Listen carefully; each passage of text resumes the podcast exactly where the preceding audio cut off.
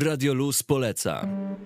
Lubisz zgłębiać temat i dopytywać, a jednocześnie mieć wątpliwości? Chcesz poznać opinie ekspertów i prawdziwych pasjonatów? Daj się poprowadzić w nasz naukowy świat. Pobudzamy ciekawość i szare komórki. Włącz na synapsach w środę o 17. I w soboty od 15 do 17 na 91 i 6 FM. Radio Luz poleca.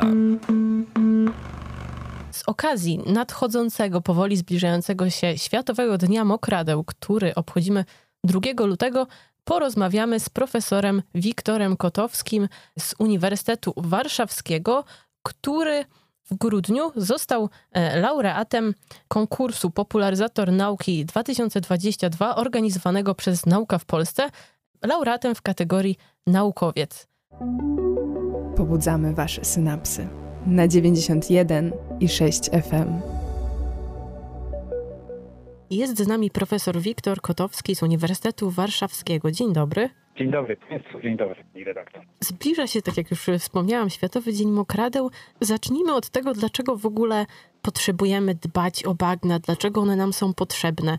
Wydaje mi się, że były takim częstym elementem krajobrazu Polski kiedyś, e, a teraz y, znikły. Co my w ogóle z nimi zrobiliśmy? To zacznę od końca pytania.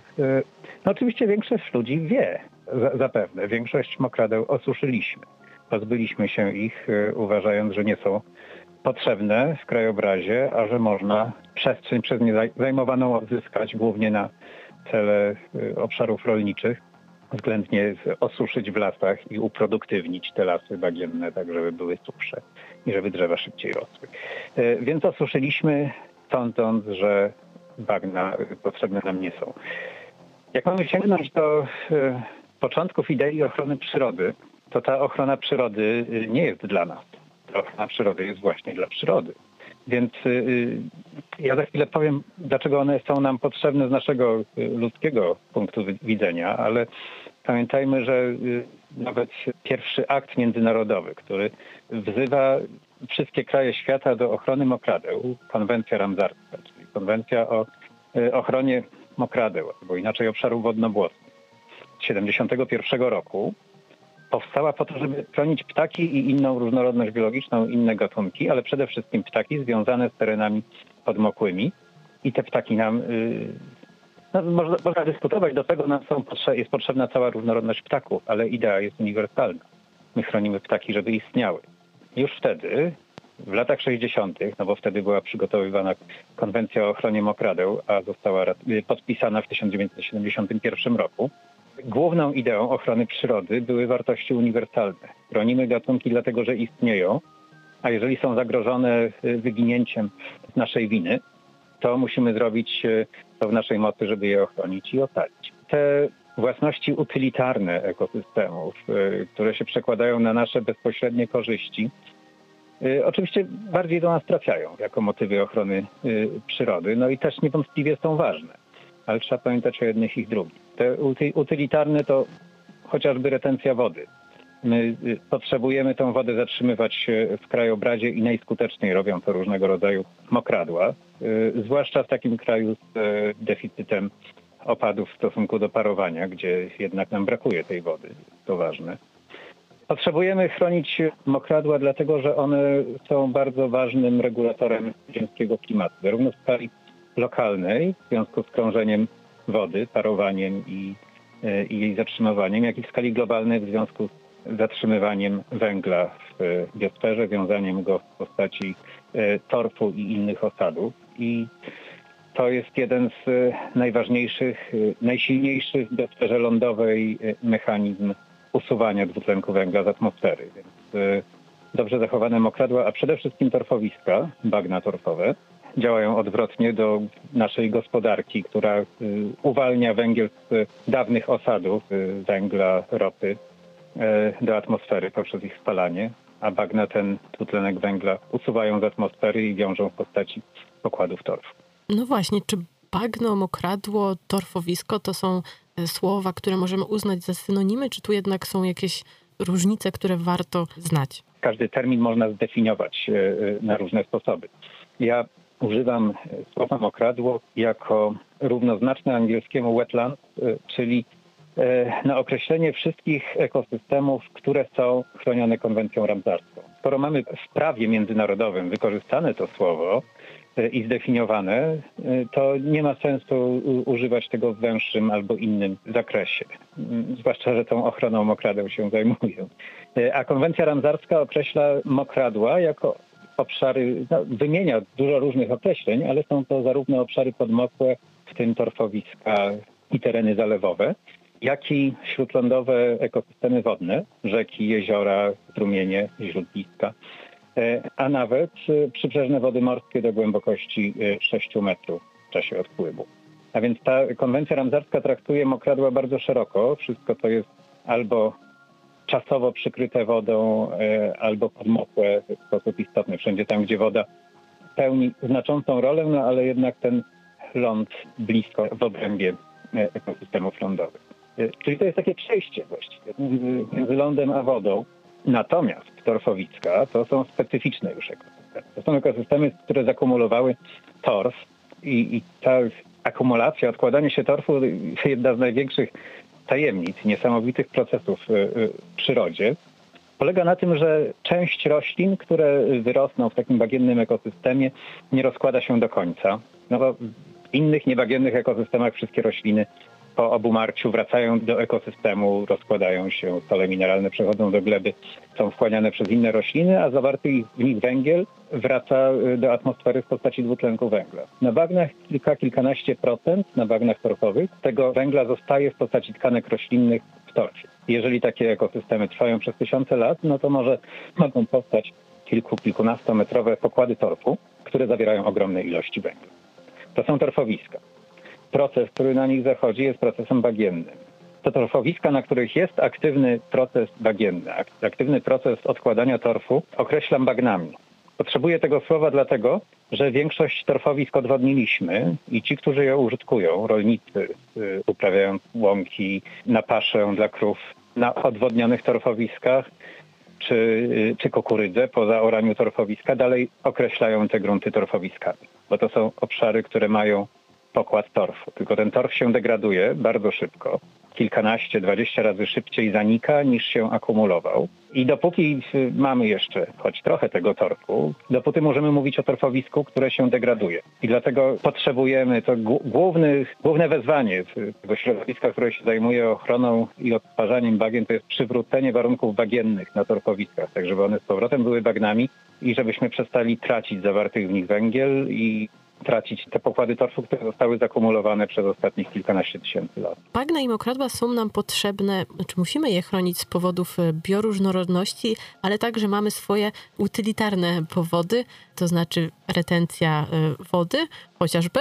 No i właśnie jak powinniśmy chronić albo naprawiać e, te bagna i mokradła, które zniszczyliśmy przez osuszenie przez te wszystkie lata? Retencja wody i ochrona klimatu to jest bardzo ważne. Ja jeszcze raz przypomniałem ten klimat, bo w kontekście y, międzynarodowym odtwarzanie torfowisk, czyli przywracanie na nich wysokich poziomów wody dla klimatu, po to, żeby zahamować z nich emisję dwutlenku węgla, to jest najważniejszy tej chwili kierunek i, i, i największe fundusze są również z tego powodu na odtwarzanie mokradeł. No, tak naprawdę to nie jest bardzo skomplikowane technicznie, bo jeżeli gdzieś powstały ekosystemy bagienne, to znaczy, że tam było więcej wody z jakichś powodów niż zdążało odpłynąć lub wyparować. Więcej wody dociera do ekosystemu niż z niego ubywa. To są albo miejsca o klimacie wilgotnym, gdzie y, opady są większe niż ewapotranspiracja, czyli parowanie terenowe. Albo takie obszary, no i to u nas spełnione są te warunki gdzieś na Pomorzu i, i, w rejonach podgórskich, w górach izerskich czy w Kotlinie Orawsko-Nowotarskiej. Tam powstają torfowiska zasilane tylko deszczem, nie muszą mieć dostawy wody podziemnej, ale większość y, terenów bagiennych, które mamy w Polsce, to są tereny, gdzie woda podziemna, która wsiąka na znacznie większym terenie, wypływa. No i wtedy również mamy gromadzenie się dużej ilości wody. I to są bagna, przez które woda przepływa, zanim trafi do ekosystemów wodnych, do jezior czy rzek. Więc y, ja, ja ten wstęp dlatego mówię, że skoro one tam powstały, to znaczy, że ta woda tam jest dalej. Tylko my ją odprowadzamy, bo pocięliśmy te torfowiska y, rowami odwadniającymi, zbudowaliśmy systemy melioracyjne. Jak widzimy rowy na stosunkowo płaskim terenie, to te rowy prawie zawsze y, u nas służą do tego, żeby odwodnić teren, żeby tą wodę odprowadzić. Y, Więc wystarczy te rowy zatkać zasypać lub przegrodzić e, zastawkami, drewnianymi przegrodami, żeby tą wodę zatrzymać i, i, i, nic więcej. To nie jest bardzo skomplikowane. Oczywiście są takie tereny, gdzie tej wody brakuje, dlatego że jest y, odpompowywana przez lokalne ujęcie wody, dlatego że jest y, kopalnia odkrywkowa, która tworzy lej depresyjny i na y, przestrzeni kilkudziesięciu czy kilkuset kilometrów kwadratowych tej wody brakuje, no to wtedy to już nie są rowy winne i musimy tej, musielibyśmy zlikwidować te ujęcia wód, żeby odtworzyć warunki hydrologiczne. Ale w takim najprostszym modelu, kiedy y, osuszyliśmy e, mokradła budując rowy, wystarczy je zatkać, żeby przywrócić wysokie poziomy wody. Czy użytkownicy tych terenów są niechętni, czy trudno ich e, przekonać o, do tego? O, I tu, i tu trafia, trafia Pani oczywiście w sedno, bo o ile technicznie jest to proste, o tyle Zanim przejdziemy do praw administracyjnych i, i, tego, jak trudno przekonać właśnie właścicieli, to jeszcze powiem jedno zastrzeżenie. O ile technicznie jest to proste, o tyle biologicznie, przyrodniczo jest to proces bardzo długotrwały. Bo jeżeli torf się y, rozłożył, to on po ponownym nawodnieniu będzie miał zupełnie inne właściwości niż kiedyś. Poza tym brakuje nam tych gatunków, które lokalnie wyginęły one niechętnie powracają na wygradowane tereny, nawet jak je naprawimy hydrologicznie. Więc y, im wcześniej się zabierzemy za tą naprawę, większa szansa, że przywrócimy miejsca o wysokiej różnorodności biologicznej. Ale z drugiej strony ważne jest również, żeby przywracać przyrodzie te tereny silnie przekształcone, silnie zdegradowane, tylko musimy pozbyć się tej niecierpliwości, że my chcemy mieć efekt przyrodniczy za 3-5 lat. Nie, czasem trzeba poczekać 100 lat aż te gatunki, które stamtąd y, zniknęły, powrócą, ale po drodze będzie stopniowo ten ekosystem się naprawiał.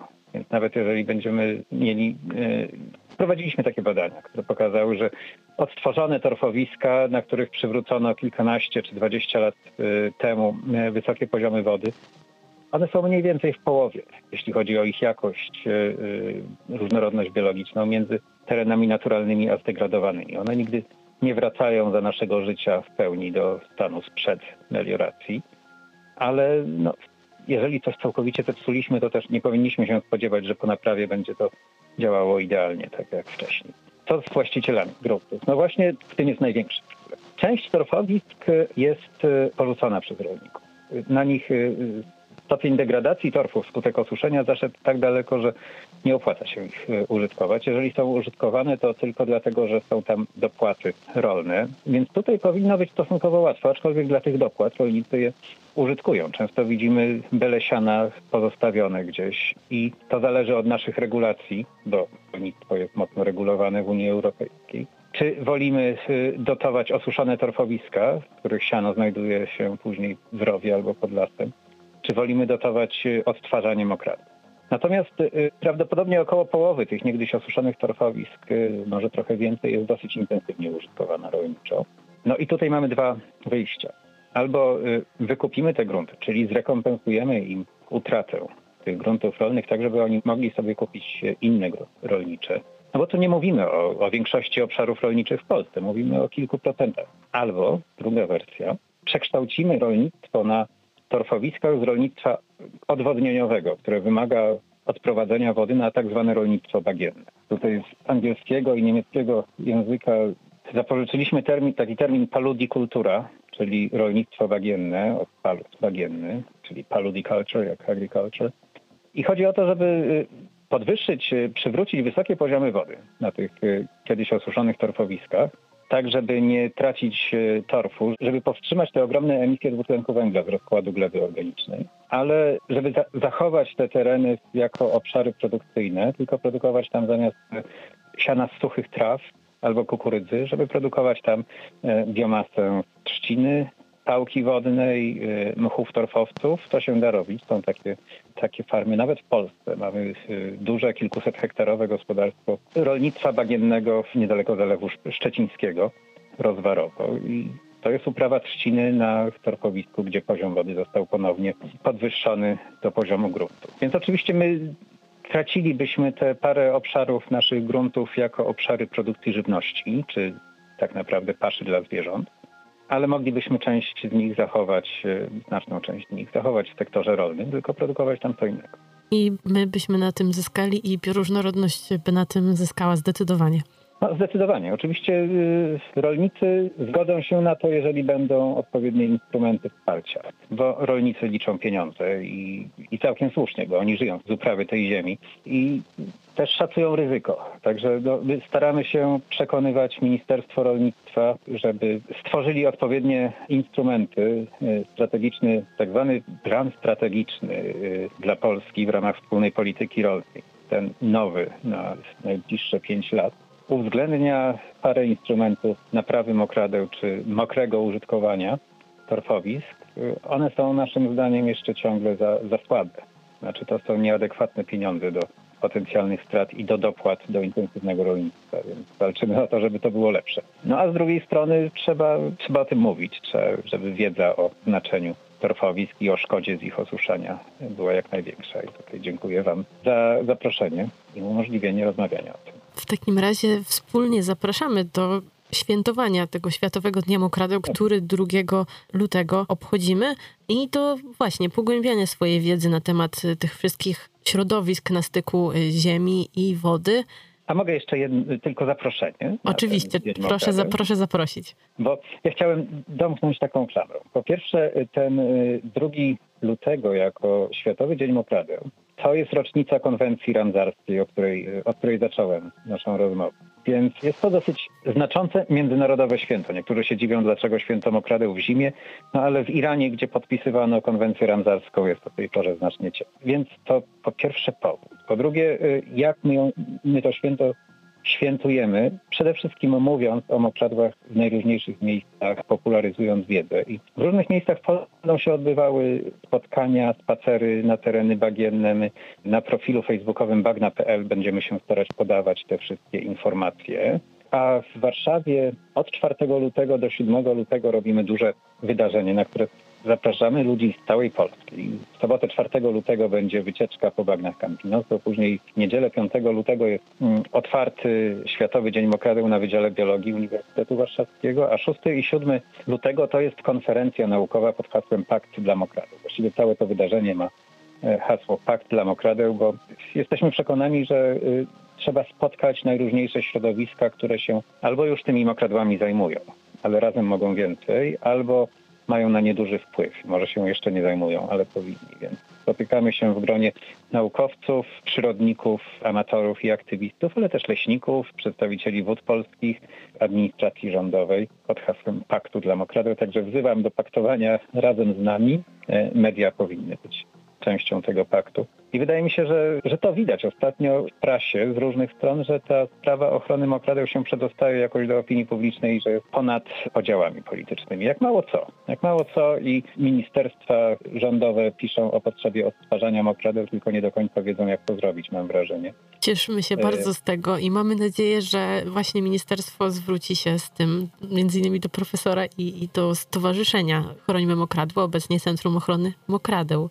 I też cieszymy się, że możemy e, opowiadać e, o tych bagnach tutaj na antenie akademickiego Radia Luz. No i właśnie, dziękujemy bardzo. Dziękuję bardzo. Profesor Wiktor Kotowski z Uniwersytetu Warszawskiego.